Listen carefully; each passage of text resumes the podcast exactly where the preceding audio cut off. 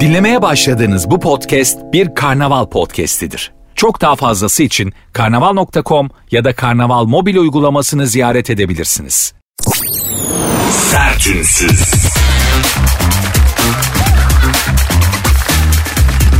Herkese merhaba. Sertünsüz başladı. Ben Nuri Özgül. Saat 22'ye kadar beraberiz hanımlar beyler. Kiminiz kimseniz varsa haber verin. Saat 10'a kadar bana ilişmeyin. Nuri ile takılacağım. O anlatacak. Ben dinleyeceğim deyin. Boştan girelim, döşten çıkalım. Günün, günlerin ve gündemin bünyenizde biriktirdiği negatif alıp yerine bir miktar da olsa pozitif vererek sizleri rahat, rahatlatmaya, rehabilite etmeye çalışayım. Programın dili eril bir dildir. Ee, bu bazı rahatsızlıklar yaratıyor olabilir. Yani ama ne bu kadar eril dil kullanılıyor falan. Çünkü ben erkeğim. Yani programı yapan bir erkek. Dolayısıyla dilim eril. Ee, ama bu demek değildir ki hanımları rahatsız edecek bir şeyler söylüyorum. O tonla tam tersi her zaman iddia etmişimdir ki sert ünsüz şu yapmış olduğum program ilk başladığı günden şu ana kadar hanımların faydasına kadınlara yönelik kadınların daha çok dinledikçe menfaat elde edebilecekleri bir programdır. Çünkü erkek dünyasını erkek bakış açısını kodlarını çözebileceğiniz bir programdır. Bunları veriyorum. Yani çok böyle hani bazen çok biraz da maçoya kayan bir dili olabilir ama aslında daha çok kadınlara yönelik ve kadınların faydasına bir programdır. Birazcık alt metin okuyabilirsek, birazcık kendimizi vererek dinlersek bunu çok rahat siz de görebilirsiniz. Şöyle bir haber dikkatimi çekti. Onunla başlayalım. Acı bir haber ama bizim için değil. 20 teknoloji zengini 500 milyar dolar kaybetmiş hanımlar beyler. Bu teknoloji işine yatırım yapan abilerimiz işte Elon Musk, Jeff Bezos gibi ve daha adını bilmediğimiz kimi tipler bu sene borsadaki düşüşten en çok nasibini alan insanlar olmuşlar. Ve teknoloji devleri 500 milyar dolar kaybetmişler. En çok da kim kaybetmiş? Elon Musk kaybetmiş. 58 bak kelimeyi şeyi rakamı telaffuz edemedim. O kadar büyük ki dilim alışık değil. Hayatımda ilk defa böyle bir rakam telaffuz ediyorum. 58.6 milyar dolar. Ben bunu TL'ye çevirmeye hesap makinesinde cep telefonundaki hesap makinesinden TL'ye çevirmeye çalıştım. Makine dedi ki abi ben de bir yere kadarım. Bunu nasıl hesap edeyim? İnsaf et.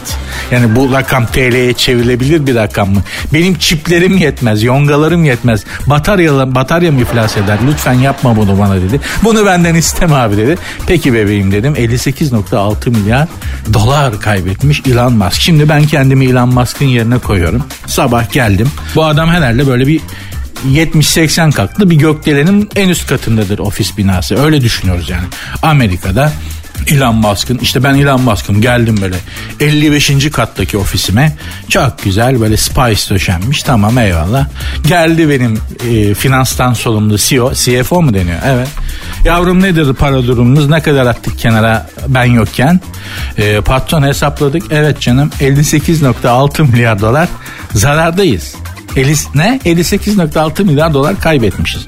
Öyle mi? Ee, peki şu dolabı aç bakayım. Açtım mı? Orada bir budaklı meşe odunu var. Şöyle kol kadar. Ha. Ver onu bana yavrum. Ver ver ver ver. ver. Aramızda geçen diyaloğu anlatıyorum. Ha. Budaklı evet. Ver onu yavrum. Sen nereliydin? Connecticut. Ne tarafta Connecticut? Şu taraf. Dön bakayım o tarafa doğru diye başlayıp CFO'dan başlayarak 55. kattan aşağıya teker teker bütün holdinge dalardım meşe odunuyla. Budak. Siz benimle dalga mı geçiyorsunuz lan? Burası ağaç gölgesi mi? Ne demek 58.6 milyar dolar? Kaybedilecek bir para mı? Serseri. Ülke kurarım lan ben o parayla. Elon, Elon Musk olsam yeminle herkese dalarım. Yani kapıdaki güvenlikler dahil herkese dalarım. Bir de kaybettikten sonra niye söylüyorsunuz serseri? Değil mi? Yani hani patron ya biz bu işlere girdik ama zarar ediyoruz ha bak zarar daha da büyüyor. Hani bu işe bir fren yapalım bir değil mi bu vaktinde haber versene. Zibidiye bak bir sabah geliyorum daha afyonum patlamamış. Nedir yavrum mali durum? 58.6 milyar dolar kaybettik. O 55. kattan aşağı atarım o adama. Serseriye bak. Dolayısıyla büyük paranın da büyük derdi oluyor. Onu söylemeye çalışıyorum. Yani ha adam hala şen, hala neşeli. Hala şen şaklak. Twitter'ı alıyor, oyun oynuyor, robotlarla bir şeyler yapıyor. Neşelidir. O kadar büyük bir para var ki. 58.6 milyar dolar adama gıdı, gıdıklamıyor bile yani. O kadar büyük bir para. Ben olsam çoktan kese kağıdından Napolyon şapkasını yapmış kafama takmış elime de bir tane araba direksiyonu almış mahallede düğüt düğüt diye kafayı yemiş geziyordum dolmuş yapıyordum. Hayali dolmuş. Vardı öyle mahalle delileri eskiden dolmuş yapan hayali dolmuş. Değil mi? Hatta Malatya'da yakın zamanda rahmetli oldu galiba. Mercedes Kadir. Malatya'nın meşhur delisi. Allah rahmet eylesin. Onu hatırlarım. Bizim mahallede de vardı. Neyse mahallenin delisinden Elon Musk'a geldik de ona bağlardım diyorum yani. 58.6 milyar dolar kaybetmek ne demek ya? Allah sabır versin, akıl versin, fikir versin. O paranın bir miktarında bize versin inşallah. İnşallah. Sertünsüz başladı. Hadi bakalım devam edeceğiz. Sertünsüz. Ee, Ukrayna kuvvetleri biliyorsunuz Ukrayna-Rusya savaşı devam ediyor ve Ukrayna bazen ilerlemeler kaydediyor Rus topraklarında. Ee, her her son diye bir kasabaya girmiş şehre, liman kentine girmiş daha doğrusu. Ve ilk işte Prens Potemkin'in kemiklerini anıt mezarından çıkarıp kaçırmışlar. Prens Potemkin kim? Aslında Potemkin Zırhlısı diye bir film vardır. Bu bir prens. Önemi şu, e, Kırım'ı Osmanlılardan alan, Osmanlılardan kopartan savaşta Rus ordularının komutanı Prens Potemkin. Kırım neden önemli? Kırım bizim için çok önemliydi. Kırım gittikten sonra Osmanlı aslında biraz da gümledi tamamen. E, hatta şu kadar önemli ki Kırım hanlarına Giray denir. Giray ismi hala çocuklarımıza koyuyoruz biliyorsunuz. Kırım hanlarına Giray denir. Giray Han, Gazi Giray Han gibi falan. E, her bir gün Osmanlı hanedanının başına bir şey gelirse Kırım hanları tahta geçer.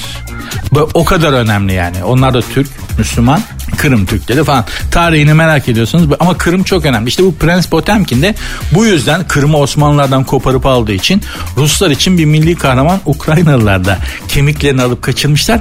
Potemkin'in önemi e, Çariçe 2. Katerina'nın da sevgilisi olması. Çariçe 2. Katerina kim? Baltacı Mehmet Paşa dersen. Ha? Hatırlar ah siz var ya bak Potemkin dedim, Çariçe dedim, Kırım dedim. Zık yok. Baltacı Mehmet Paşa deyince hemen ha, ha, falan öyle bir şey olmamış. Öncelikle onu söyleyelim. Yani Çariçe Katerina Baltacı Mehmet Paşa'yı göremez bile.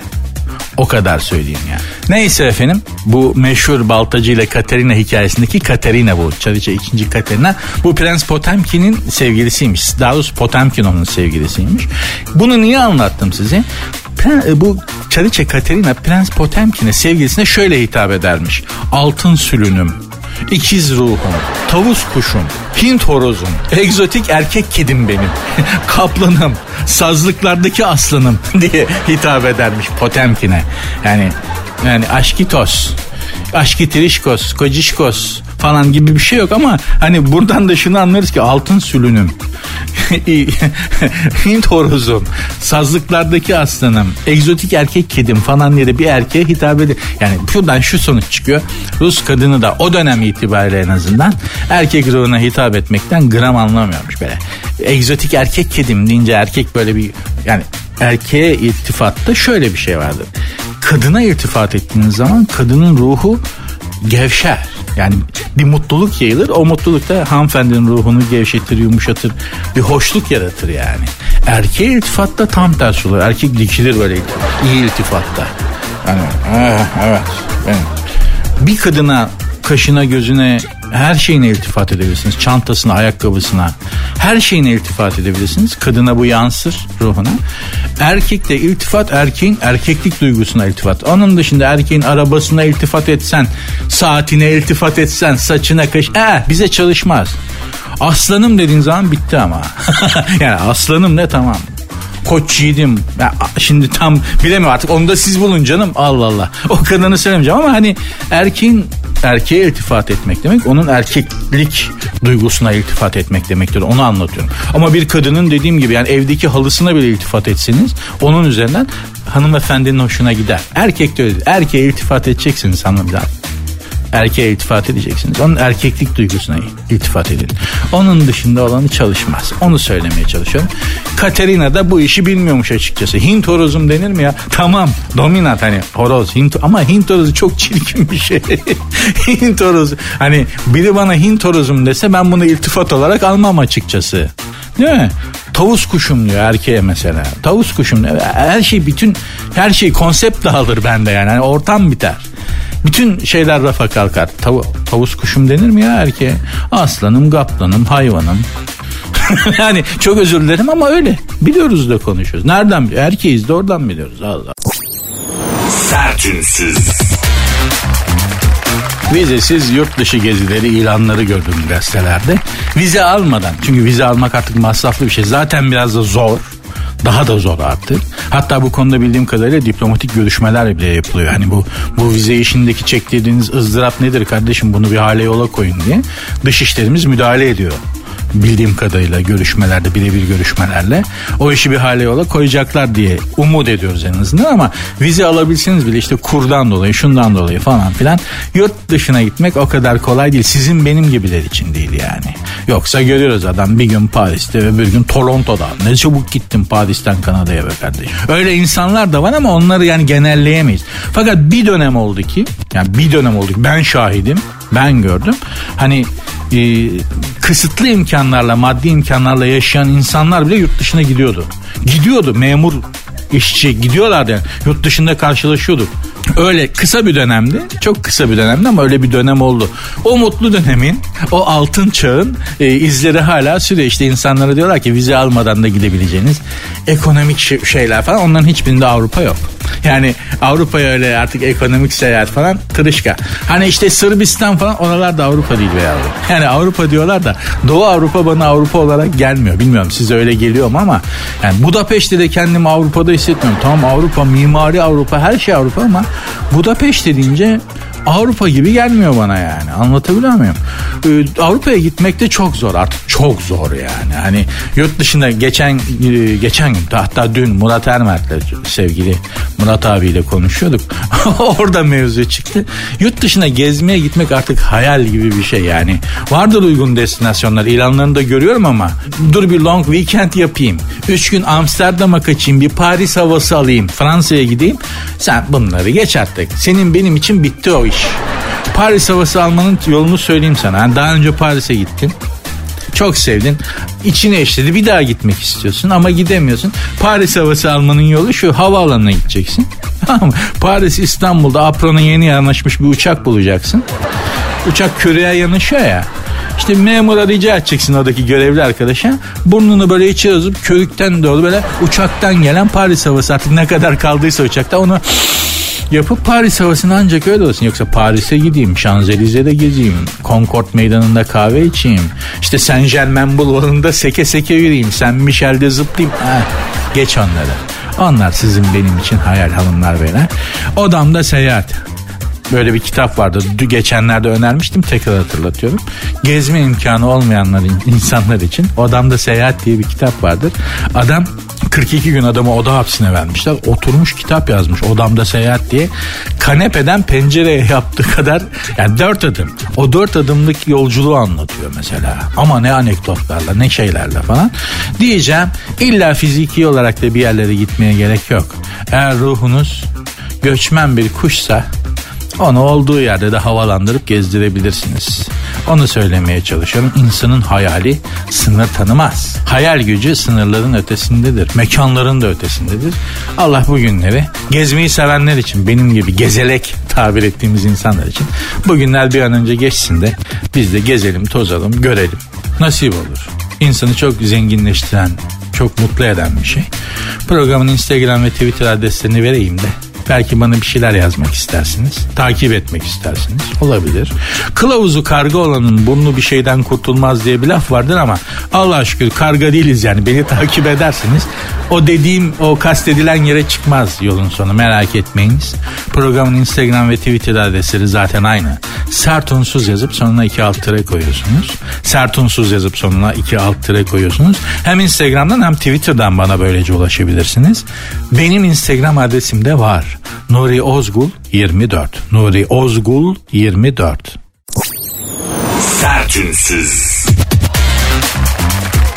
733 milyon dolarlık evlilik bitmiş hanımlar beyler. Kimin evliliğiymiş bu? Süper model Giselle Bündchen'le ünlü futbolcu. Bu bizim ayak topçusu değil bu Amerikan futbolcusu. Tom Brady. Amerika böyledir gerçekten bir işe çöker. Mesela şimdi futbola da sponsor olmaya başladılar. İngiltere'de şurada burada bildiğim bizim fut, bizim futbolu beğenmez onlar. Çok uzun gelir onlara böyle ama onlara NBA gibi Amerikalı böyledir. Hemen çökecek, bitecek. Hemen şeyi görecek, kan görecek yani. Basket gibi bir o pota bir bu pota. Çabuk çabuk tık tık tık tık tık tık. Bu dönemin ruhuna da çok uygun. Hani hemen falan böyle yani. Intro süreleri kısalmış mesela Amerika'da. Şarkıların giriş müzik kısımları var ya müzikte intro. Giriş bölümü müzikte. Onlar çok kısalmış. Çok çok kısalmış. Çünkü hemen olsun isteniyor artık. Yani gir şarkıya gir bana dayama. Dolayısıyla mesela Amerikalılara Orhan Gencebay gelmez. Babanın zaten en kısa şarkısı 5 dakika. Introsu 2 dakika abi. 2 dakika dinlemiyor artık insanlar yani. Anlatabiliyor muyum? Amerikalılar falan hiç dinlemiyorlar. Şimdi futbola da girdi bu zibidiler. Futbolu değiştirmeye çalışıyor. Ya bu futbol niye iki devre? Dört devreye bölelim de. İşte ya bu tacı niye elle atıyorlar ki ayakla atılsın da offside nedir ya falan daha çok golü başladılar şey yapmaya futbolu değiştirmeye. Amerika böyledir bir yere girdiği zaman orayı bozar bozar başımızdan geçti bunlar işte milletçe biliyoruz yani. Neyse bu Amerikan futbolcusu bu oğlan ünlü model Giselle Bündchen'le Amerikan futbolcusu Tom Brady boşanmışlar. 733 milyon dolarlık mal varlıkları varmış. Onu da bir şekilde güzel güzel hiç kavga etmeden şey yapmadan güzel güzel anlaşarak e, paylaşmışlar ve ayrılmışlar. Biliyorsunuz işte Brad Pitt'le mesela Angelina Jolie. Angelina Jolie de yani az şey değilmiş ha. Böyle sessiz sakin böyle hani şey gözüküyor ama tık tırnakları çıkartıverdi. Helal olsun kadına hakkını aldı. Ezdirmedi kendini. T- takdir ettim yani.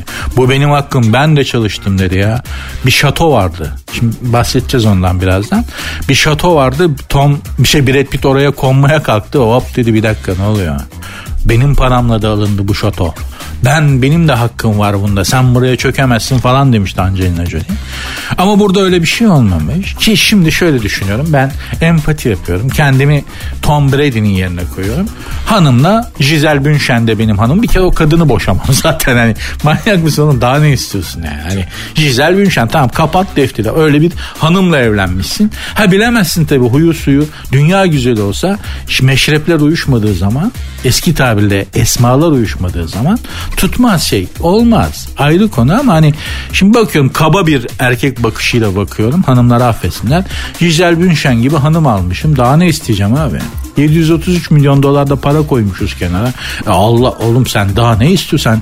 Yani hani biz sana daha bu alem sana bu kader bu Allah sana daha ne yapsın lan? Serseriye bak. Para vermiş dünya güzeli bir hanım vermiş. Şöhret vermiş şan vermiş nam vermiş e tamam baba yürü git sen daha neyin derdindesin ya neyin ne geçimsiz 733 milyon dolarım olsa hanımla gül gibi geçinirim. hanımla gül gibi geçinirim vallahi billahi. Ha boşanma diyor mesela hemen anlaşıp boşanmışlar. Allah korusun Allah herkesin evliliğine muhabbet ve devamlılık nasip etsin. Sevgi, hürmet, saygı her şey işte ne istiyorsanız onların hepsini nasip etsin. Güzel güzel anlaşın ama diyelim ki hani 733 milyon dolarım var. Hanımla da boşanacağım. Aga ne problem çıkartacağım? Ya bunu tam ortadan ikiye bölelim yavrum. Tamam mı bu parayı? Buna yarısını sen al yarısını ben alayım. Tamam mı? Tamam bitti bu kadar. Geriye kalan para senin bir, yedi sülalene yeter be. Serseriye bak. Tabii ki anlaşacaksın güzelce. Ben onu anlamıyorum mesela. Hani 800 milyon dolar servet var bölüşemedikleri için kavga ediyorlar. Boşanamıyorlar. Yani neyi boyu? 400'ünü sen al.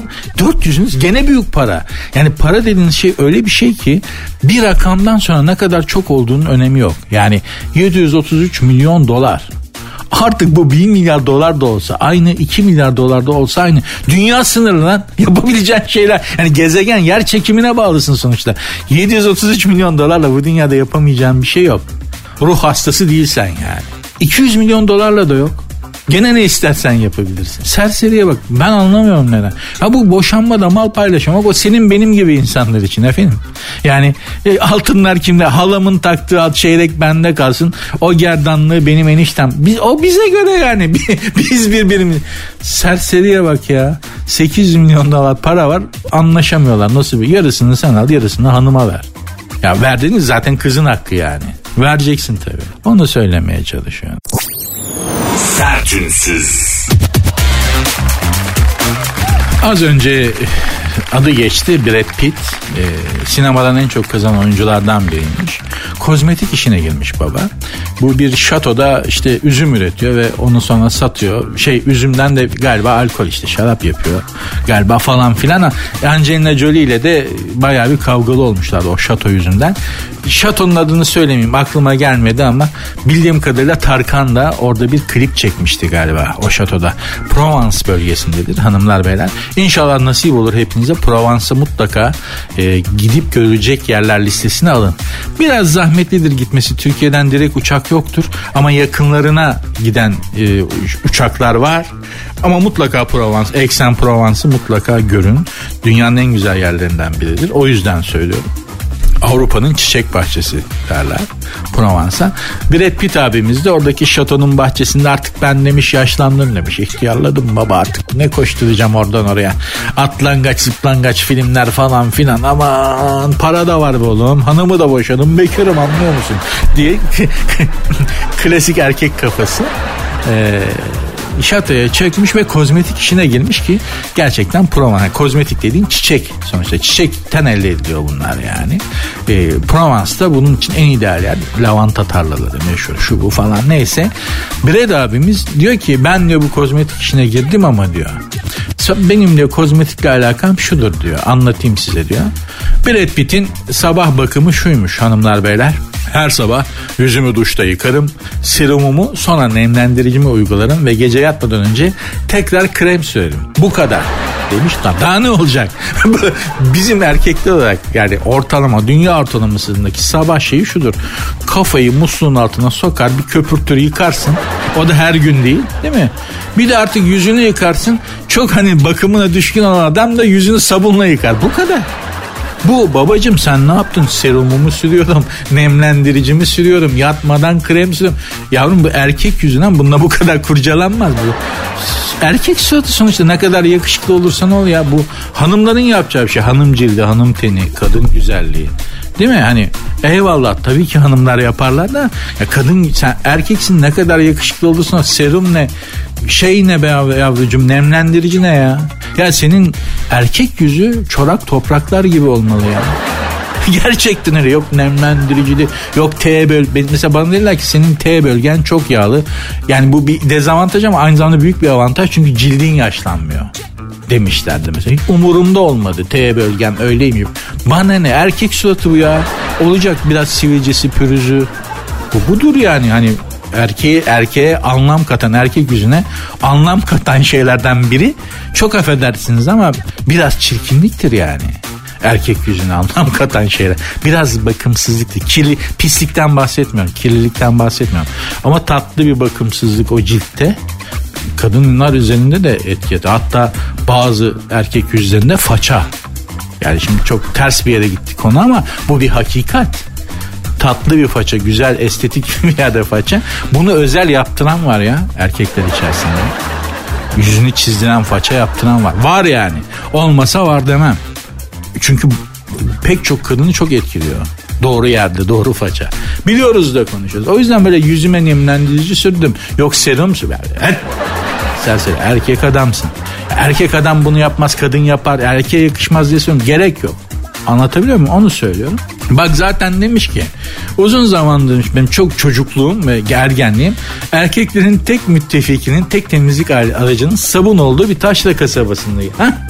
Belli ki bunu da anası leğene oturtup kafasına tasla vura vura yıkamış pek çoğumuz gibi. Zaten yaşlarımız da yakın. Değil mi ya hangimiz benim jenerasyon 50'ye 50'ye merdiven dayamış 50 yaş civarı insan. Hepimizi anamız leğene oturttu odanın ortasında kafamıza tasla vura anne gözüm yandı sen diye kafana tasla vurdu. Yıkaya yıka. Yıka öyle yıkadı yani. Leğende yıkanmamış olan var mı içimizde? Yok. Budur. Erkeğin bakımı da budur. Temiz olmak elbette. Ama yüzüme serum sürdüm. Ya yapıyorsan gene yap. İtirazım yok. Ama standart bu değil. Onu söylemeye çalış. Sertünsüz. Ben size söylüyorum dünya garip bir yere gidiyor. Acayip bir yere gidiyor. Allah sonumuzu hayretsin diyorum. Siz yani o kadar karamsar olma diyorsunuz. Al bak. Al bak şimdi Megan Fox Amerikalı oyuncuymuş bu Megan Fox. Nişanlıymış rock yıldızı Machine Gun Kelly'den. Çocuk sahibi olmak istediğini açıklamış. Olsun Allah versin. Allah çocuk isteyen herkese nasip etsin. Megan Fox önceki gün katıldıkları davete çekilmiş bir fotoğraflar için nişanlısına nişanlısı için söylüyor bunları. E, haberdeki gidişteki o cümledeki bozukluk benden değil tamamen haberi yapan arkadaşın Türkçeden ve dil bilgisinden nasipsiz olmasıyla alakalı bir şey. Benim hatam değil yani. Fox önceki gün katıldıkları davete çekilmiş bir fotoğraflar için nişanlısına daha iyi kemik yapısı olan biri bu yeryüzüne ayak basmadı. Mahvedici bir yakışıklılık. Hem de 1.95 mi? Beni ya öldür ya da hamile bırak. Başka seçenek yok. ya ablacığım beni ya öldür ya hamile bırak. Allah'ım ne, ne oluyor ya? ben kaçarım. Yani şöyle yani bir de şey, kadın şey diyor yani, bu kemik yapısından mutlaka çocuğum olmalı. aa, aa, ya senin bon, kemik yapın çok güzel. Senden çocuk yapmak istiyorum. Yani Megan Fox gibi yani beni ya öldür ya da hamile bırak. Hani özür dilerim ama böyle kullanmış hanımefendi ifadeyi. Ben kaçarım. Topuklarım popoma vura vura kaçarım yani. Hızla bir kadın bana böyle bir şey. Korkarım abi. Ya bu şu istemekteki şeye bak. Şiddete ve şeye bak yani. Hani ya benimsin ya toprağın diyor kadın anlıyor musun? Hani beni diyor ya çocuk yapacağız. Evet ya da diyoruz yani senin hiç şansın yok. Ben bir şekilde o çocuğu senden yapacağım. Ben korkarım abi. Valla o kadar istenmek de güzel bir şey değil.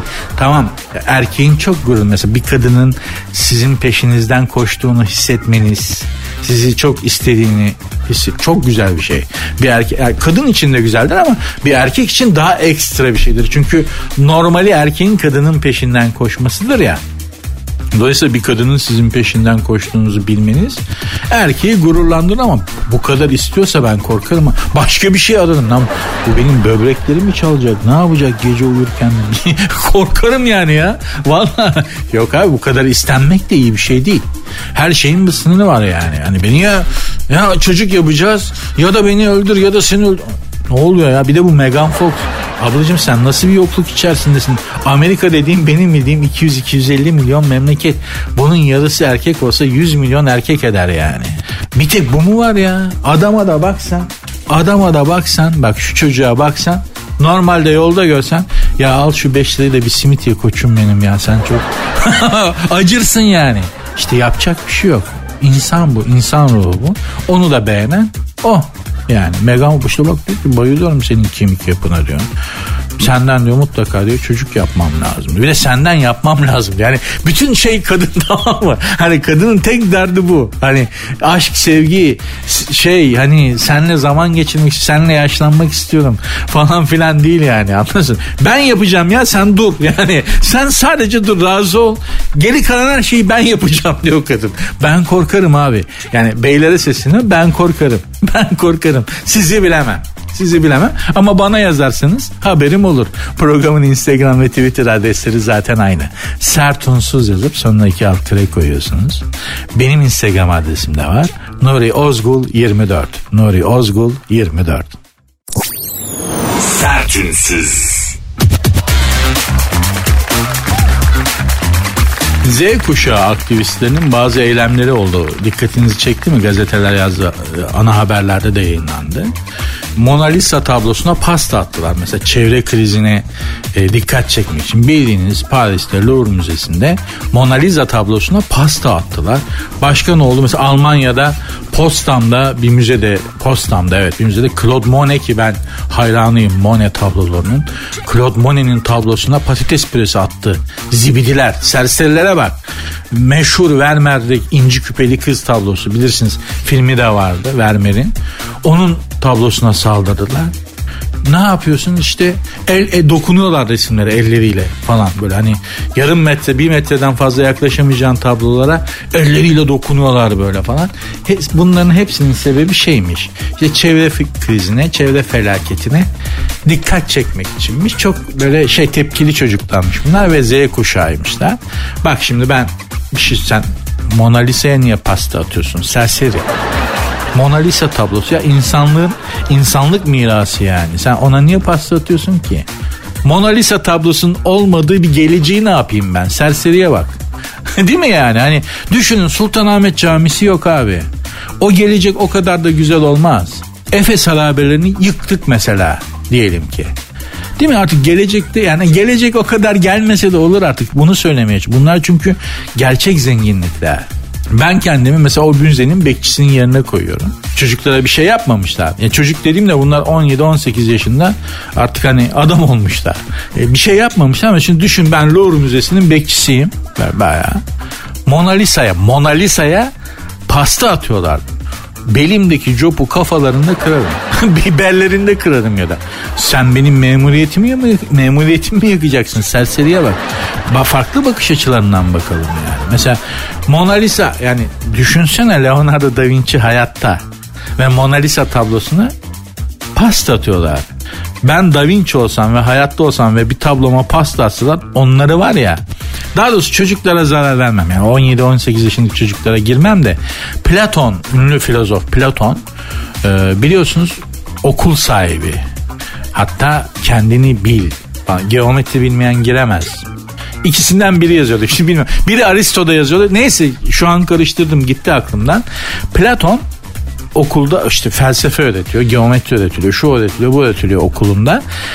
Başarısız öğrencilerine başarısız öğrencilerine hiçbir şey yapmıyormuş. Yani hiçbir tepki göstermiyormuş. Öğrencinin babasını dövüyor. Bak Platon düşünce adamı falan hani süzülmüş bir şeyi bir tavrı bir yani şiddete meyyal değildir. Sonuçta varlık üzerine düşünüyor değil mi Platon? Metafizik alem nedir? Neden var?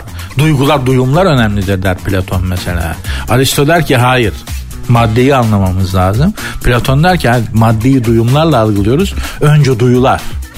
Ya böyle yani duyu, duygu, his, hissediş falan Platon böyle bir adam diyorsun ama bak başarısız talebenin babasını dövüyor.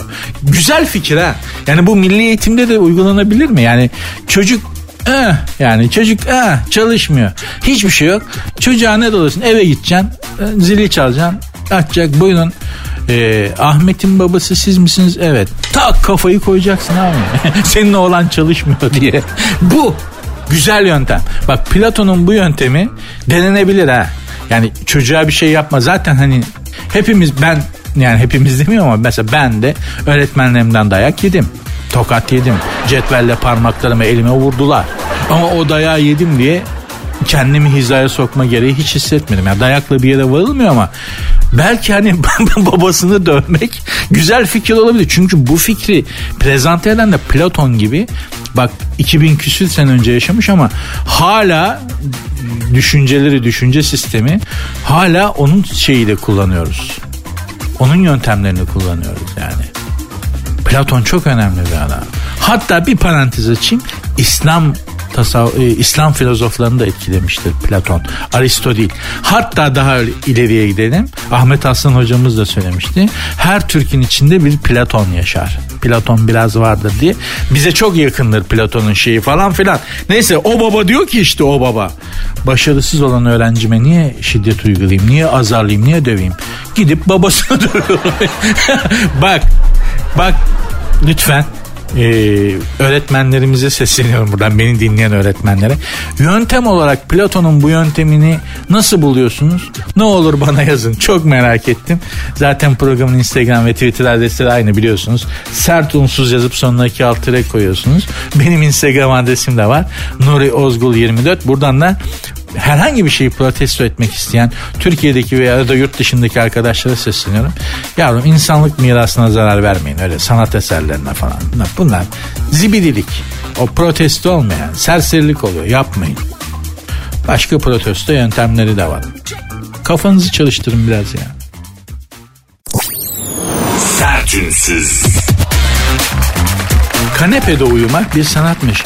Çok önemli bir internet sitesi. Ee, kanepelerin e, kanepede nasıl uyunacağını, nasıl uyunması gerektiğini anlatmış. Gerçekten de kanepedeki uykunun da tadı başka şeyde yoktur.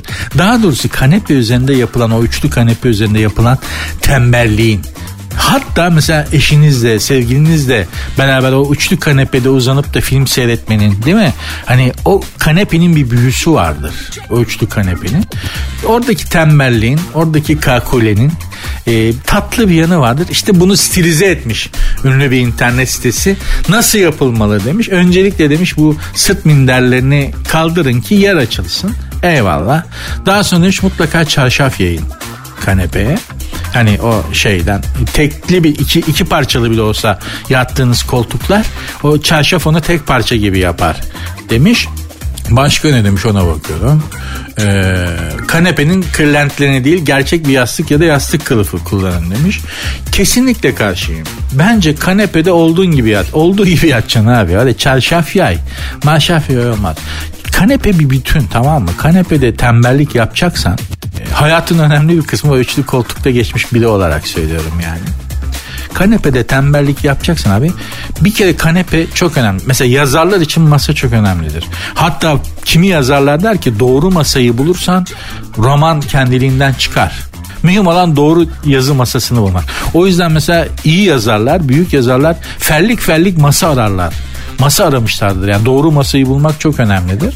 Doğru kanepe de önemli. Ya benim mutlu olduğum üçlü kanepede sen mutsuz olabilirsin. Benim rahat ettiğimde sen rahat etmeyebilirsin. Her insan için bir kanepe modeli var. Tembellik açısından söylüyorum yani. Kimi Chesterfield'de rahat eder. Kimisi işte kumaşta. Kimisi koltuk kol koyma yerleri deri olacak da kendisi işte kadife olacak. Herkesin tembellik herkesin bir e, ruhuna uygun bir üçlü kanepe tembellik kanepesi modeli var. Onu arayıp bulmak da ayrı meseledir. Ben şahsen kanepede tembellik yapmanın çok önemli bir şey olduğunu, insanı çok mutlu eden bir şey olduğuna inanırım ama asıl uyumak sanatsa çekyatta uyumak sanattır. yani hani çekyat diye bir şey var. Ben bunu daha Avrupalılara, Avrupalı arkadaşlarıma izah edemedim. Almanya'dan misafirim geldi. Kütüphaneli çekyattı bir de bizimkisi. Kütüphaneli çekyatı adamı yatıracağız e, çekyatı şekle soktu. Yat. Adam 3 dakika düşündü buna ne oldu? Buna kadar güzel tam Alman'a göre bir şey diyor ya biz bunu nasıl akıl edemedik diyor. Yavrum edemezsin tabii. O Türk kafası. Sen ona ne yoruyorsun? Allah'ın al. Sen mühendis. Sen araba yap, uçak yap, motor yap. Sen ne anlarsın rahatlığa yönelik şeylerden? Serseri. Onlar bizim işimiz. Neyse yatırdık Alman bir haftada Eskimo'ya Japon'a dönüyordu çekyatta yata yata. O Alman suratını çekyatın kadifesine sürte sürte adamın tipi Japon'a doğru kaymaya başlamıştı. Kolay değildir. Kimi çekyatın çünkü e, kadifedir ve desenlidir şeyi kaplaması kumaş kaplaması kabartılı şeydir ya zaten böyle sabit yatarsan mesela bir saat yanağında o desen çıkar. kadife kaplamanın deseni aynı ona yaprak çiçek kuş bülbül sol yanakta böyle çıkıverir alnında falan. Çok uyanmışımdır ben alnımda şakayık deseniyle çiçek. Şakayık deseni yüzüstü yatmışım böyle nasıl beşer, becerdiysem. Dolayısıyla söylemek istediğim şey şu. Asıl sanat e, koltukta yatabilmek değildir. Asıl sanat, asıl incelik çekyatta yatmaktır. Özellikle de kütüphaneli çekyatsa bu dönerken sağa sola dönerken uyurken kütüphanedeki kitapları düşürmemek gibi bir ince denge gözetmek zorundasınız. Çünkü benim kafama birkaç kere düştü kitap uyurken. İnsan çok korkuyor. La. Hani uykuda üstüne bir şey düşüyor sonuçta. O kitapları da düşürmemek çok ince meseledir. Z kuşağı kardeşlerim şu an gözünüzün önüne getirmeyebilirsiniz. Siz hiç görmediniz kütüphaneli çekyat. Ee, internette bir arama yapın orada fotoğrafları karşınıza çıkacaktır. Hani benim teyzemin, amcamın, emmimin tipi niye bu kadar kayık diyorsan o çekyatta böyle o suratı sürte sürte o çekyatın kadifesine uyumanın bunda çok büyük payı ve katkısı var. Onu da hatırlatayım yani. Sertünsüz. Pizza'nın geleceğinde robotlar var diye bir haber geçti elime sizinle paylaşmak istiyorum. Şöyle e, Türkiye'ye 1989 yılında girdi pizza dediğimiz şey. E, ben o yıllarda yurt dışına çıkma şansım olmamış. Zaten tıfıl bir öğrenciydim. Yurt dışına nereye gidiyorsun yani? Hani İstanbul'dan şey Sarıyer'den Beyazıt'a anca gidecek, gidip gelecek para var. E, dolayısıyla da yurt dışına gitmek mümkün değil. Dolayısıyla pizza mizza görmemişiz. Onu anca işte Avrupa'ya gidenler falan anlıyor. Pizza diye bir şey var abi acayip ya falan filan diye. 1989'da ilk pizza şeyi açıldı. Şimdi markanın adını söyleyemiyorum. Önünde bir kuyruk olduğu bu ilk e, hamburgerci fast food açıldığında da Taksim'de gene Taksim'de galiba açıldı. Önünde oluşan kuyruğu size anlatamam ya. Yani bir de şey vardır. E, Metallica'nın Rusya konseri 1980'lerin sonunda galiba. Orada zaten hani komünizmin ve sosyalizmin hiç çalışmayacağı, kapitalizmin galip geleceği orada bir kafalara dank etmişti. O Metallica konserindeki Rusların hali neydi abi öyle ya? Oğlum hani tamamen hayalmiş anlatabiliyor muyum? Adamlar hani neyse yani çok büyük bir tokattı. Bir de bu işte kapitalizmin baş aktörü olan bu fast foodların ülkeye girmesiyle beraber o ilk açıldıklarında önlerindeki kalabalığı görünce kafamıza dank etmişti. Babacım ne toplumu ne toplumculuğu herkes yemek içmek ve tüketmek istiyor falan filan diye. Neyse işte bu pizza devlerinden biri bir röportaj vermiş yöneticisi ve demiş ki pizzanın geleceği robotlarda hem robotlar pişirecek mükemmel ve kusursuz hem de demiş evinize robotlar getirecek. Robot kuryeler. Yani pizzacı, pizza kuryecisi işte pizza getiren arkadaş olmayacak. Robot getirecek. Bir, bu İstanbul'da olmaz. Yani İstanbul'da neden olmaz? Bir İstanbul'un her yeri yokuş.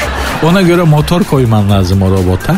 İki bazı sokaklara giremez. Girdi diyelim binaya giremez. Girse üst katlara çıkamaz. Yani İstanbul'da kaotik yapı o kadar çok ki. Hani bir ikincisi zaten o robotu çalarlar. Yani araklarlar abi. Yani o robot çıkacak da pizzacıdan benim eve gelene kadar her robotu ayak araklarlar. Ya pizzayı araklarlar ya da ikisini büyük bir ihtimalle ikisini birden araklarlar. Nereye gidiyorsun? O yüzden hani İstanbul için geçerli değildir. Belki robotlar pişirir mükemmel bir menüyle. Ama ben hala makinelerin güzel yemek yapabileceğine inanmıyorum. Çünkü el, insan elinin çok önemli bir şeyi var. Malzemelerin içerisinde insan eli sayılmaz yemek malzemelerin. Yemek reçetelerinin içerisinde yoktur ama o elin malzemeler arasında bir yeri var ve yemeğe kattığı sizden geçen el vasıtasıyla yemeğe geçen pişen şeye geçen bir e, miracle touch dedikleri mucize dokunuş. Ee, öyle bir şey var. Yani elimin lezzeti yok diyor ya hanımlar ya da elimin lezzeti vardır. Çok doğru. Hani her insanın böyle bir durumu var. Dolayısıyla ben robotlar mükemmel eh, olmaz. Rob ya, ya yersin de insanın yaptığı gibi olmaz. İkincisi de robot kurye robot şey eh, çalışmaz abi. O robotu ertesi gün elektronik pazarında parçaları sökülmüş halde işte çipini ayrı, tekerini ayrı, beynini ayrı satılırken buluruz. Bizde olmaz o. Kusura bakma. Adam gelecek kapıya illa. Biz ayağımıza hizmet isteriz yemekte. Gayet de haklıyız. Gayet de haklıyız. Türk yani Türk yemeği bir Türk ya bu topraklarda yaşayan hepimiz bu, bu coğrafyanın insanları otururuz ve ayağımıza hizmet edilmesini bekleriz yemekte. Bizim mutfağımızın raconu bu ya. Ayıp değil günah değil kardeşim. Ben oturacağım. Önüme yemek konacak, servis yapılacak. Memnun musunuz diye soracak. Beğendiniz mi? Bir ikram yapılacak. Bizim raconumuz bu. Yok robot getiriyor, yok robot pişiriyor. Yani Sertünsüz. Bazı insanların İşlerine sahip çıkma şekilleri beni çok şaşırtıyor. Hani ben işimin aşığıyım. Biz işimizin delisiyiz abi. Bakış açısı var ya çok saygı duyulacak bir bakış açısıdır. Hatta benim bir e, patronum vardı. Hem okuyup hem çalıştığım yıllarda. De önce karnın doyacak oğlum derdi. Önce karnın doyacak. Ondan sonra gerisi fantazi. Yani gerisi süs, kenar süsü. Önce karnın doyacak. Açken aşk bile olmaz. Açken aşk bile tadında yaşanmaz. Önce karnın doyacak. O yüzden önce işini yapacaksın, paranı kazanacaksın, karnını doyuracaksın derdi. Öyle bir bakış açısı vardı. Doğrudur da Maslow'un değil mi ihtiyaçlar üçgeni, ihtiyaçlar piramidinde en altta, en tabanda bu vardır yani. Karnını doyur, güvende hisset falan filan. Neyse işi oraya çevirmeyelim. Sosyoloji dersinde değiliz. Fakat ama gene de bir e, Maslow muydu, Marlow muydu? Onun ihtiyaçlar piramidi. E, bir internette araştırır, incelerseniz insanın en temelden en fantaziye doğru ihtiyaçlarını sıralamış baba. Enteresandır, doğrudur da bence gerçekten. E, bir bakın o ihtiyaçlar piramidinin neresindesiniz? Siz ona göre bir bakın yani. En üstte olmadığınız kesin de. Ama mesela ben en alttayım hala. Yani en altta en altla bir üstündeyim. Biraz da bir üstünden alıyorum. Neyse şimdi tam gözünüzün önüne gelmeyecektir ama Maslow'un ihtiyaçlar piramidi, ihtiyaçlar üçgeni de deniyor. Onu bir search ederseniz bakın bakalım onun neresindesiniz. Kendi hayatınızı Marlow, Maslow'un e, ihtiyaçlar piramidine bir vurun şöyle karşılaştırın bakalım. Nereye gelmişsiniz hayatta? Enteresandır. Ben en alttayım. Dediğim gibi en alttayım gerçekten. Artık ben gideyim inşallah güzel bir iki saat olmuştur ha. Ne sizin için yani. İnşallah. Bunu yapabildiysem de ben bugünkü yevmiyemi hak ettim demektir. Bunun mutluluğu da bana yeter bu yaştan sonra. Daha ne, neyi kovalayacağım yani. Siz mutlu olun yeter. Ben başka bir şey istemiyorum. Hanımlar beyler programın Instagram ve Twitter adresleri zaten aynı. Sert unsuz yazıp sonuna iki alt tere koyuyorsunuz. Sert unsuz yazıp sonuna iki alt tere koyuyorsunuz. Benim Instagram adresim de Nuri Ozgul 24. Nuri Ozgul 24. Görüşmek üzere. Dinlemiş olduğunuz bu podcast bir karnaval podcastidir. Çok daha fazlası için karnaval.com ya da karnaval mobil uygulamasını ziyaret edebilirsiniz.